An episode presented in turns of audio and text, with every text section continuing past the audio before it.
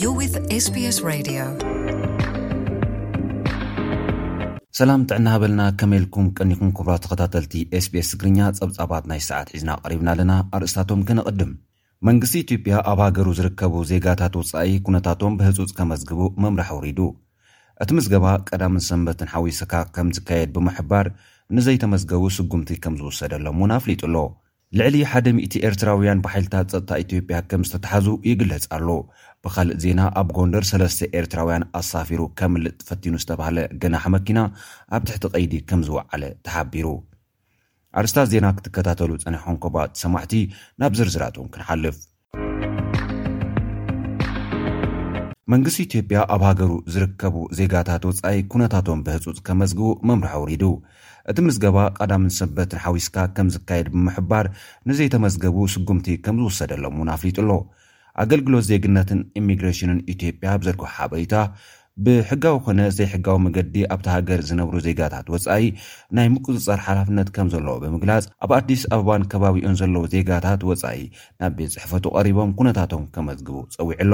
እቶም ኩነታቶም ከመዝግቡ ተሓቲቶም ዘለዉ ዜጋታት ወፃኢ ብዝተፈላለየ ዓይነት ቪዛ ናብታ ሃገር ኣትዮም ቪዝኦም ጊዚኡ ዝወደኣ እንተኾይኑ፣ ፍቓድ መንበሪኦም ግዚኡ ዝወደኣ እንተኾይኑ፣ ፍቓድ መንበሪ ኮነ ቪዛ ዘይብሎም ዜጋታት ወጻኢ እንተኾይኖም፣ ብትካል ስደተኛታትን ተመላሶ ስደትን ኢትዮጵያ መሰል ስደተኛ ወይ ዑቕባ ዝረኸቡ፣ ብናይ ከተማ ስደተኛ ዝተመዝገቡ፣ ብፍቓድ ኮነ ብዘይ ፍቓድ ኣብ ኣዲስ ኣበባን ከባቢኡን ዝነብሩ፣ ካብ ዓሰርተ ሓደ ሓምለ ክሳብ ዕስራን ሓሙሽተን ሓምለ ክልተ ሽሕን ዓሰርተ ኣርባዕተን ዓመተ ምህረት ግእዝ ወይ ከኣ ካብ ዓሰርተ ሸሞንተ ሓምለ ክሳብ ባሕቲ ነሓሰ ክልተ ሽሕን ዕስራን ክልተን ዓመተ ምህረት ፈረንጂ ቀዳምን ሰንበትን ሓዊስካ ክምዝገቡ መምርሒ ኣውሪዱ ኣሎ። ኣገልግሎት ዜግነትን ኢሚግሬሽንን ኢትዮጵያ ኣብ ዘርግሖ ሓበሬታ፣ እቲ ኣብቶም ዝተጠቕሱ እዋናት ክካየድ ተሓሲቡ ዘሎ ምዝገባ፣ ኣብ ናይ ስራሕ መዓልታት፣ ኣብ ስሩዕ ናይ ስራሕ ሰዓት፣ ኣብ ቀዳምን ሰንበትን'ውን ብተመሳሳሊ ከምዝሳለጥ ብምሕባር፣ ናብ ምዝገባ ዝቐርቡ ዜጋታት ወጻኢ፣ ፓስፖርት፣ ታሴራ፣ መለለዪ ስደተኛ፣ ናይ ምዝገባ መረጋገጺ ሰነድ፣ ሰነድ ጉዕዞ ወይ ካልእ ተመሳሳሊ ሰነድ ሒዞም ብኣካል ክቐርቡ እዩ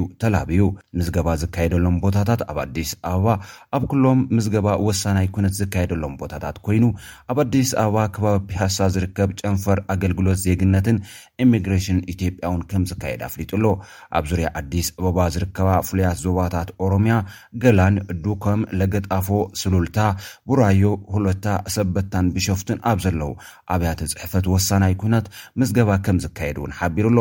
መንግስቲ ኢትዮጵያ ኣብ ልዕሊ እቶም ኣብቲ ዝተብሃለ እዋን ዘይተመዝገቡ ዜጋታት ወፃኢ ስጉምቲ ከም ዝወስድ እውን ሓቢሩ እዩ። ኣብዚ ምዝገባ ዜግነት ካልእ ሃገር ዘለዎ ሰብ ኣብ ገዝኦም ዘንብሩ፣ ብስራሕ ዝቖፅሩን ዕቑባ ዝኾኑን ኢትዮጵያውያን ኣብቲ ዝተውሃበ ናይ ምዝገባ ሰሌዳ ግዜ ምምዝጋቡን ዘይምምዝጋቡን ከረጋግፅ እውን መንግስቲ ኢትዮጵያ ፀዊዑ ኣሎ። ልዕሊ ሓደ ሚእቲ ኤርትራውያን ብሓይልታት ጸጥታ ኢትዮጵያ ከም ዝተተሓዙ ይግለጽ ኣሎ።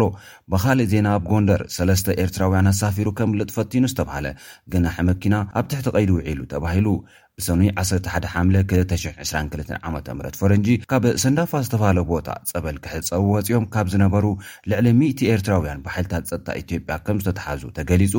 እቶም ኣብ ለገጣፎ ዝተብሃለ ኣብ መውጽኢ ኣዲስ ኣበባ ዝርከብ ኬላ ዝተትሓዙ ዜጋታት ኤርትራ፣ ጠንቂ መእሰሪኦም ዛጊድ ብመንግስቲ ኢትዮጵያ ይኹን ካልእ ዝምልከቶ ኣካል ዝተውሃበ ሓበሬታ የለን። ገለ ፍልፍላት ሓበሬታ ግና፣ እቶም ዜጋታት ክሳብ ሎሚ ናብ ገዛኦም ከምዘይተመልሱ'ዮም ገሊጾም ዘለዉ። እቶም ፍልፍላት ሓበሬታ ወሲኾም ከምዝሕብርዎ፣ እቶም ዜጋታት ንገዛኹም ክትከዱ ኢኹም ተባሂሎም ናብ መኻይን ምስ ተሳፈሩ፣ ኣብ ጎንደር ናብ ዝርከብ መዓስከር ስደተኛታት ዳባት ክውሰዱ ተፈቲኑ ኣብ መገዲ ኣብ ዝነበረ ናይ ዕረፍቲ ግዜ ካብተን መካይን ወሪዶም ናብ ኣውቶቡስ ኣይንድይብን ኢሎም ከም ዝኣደሙ እዩ ተሓቢሩ ዘሎ።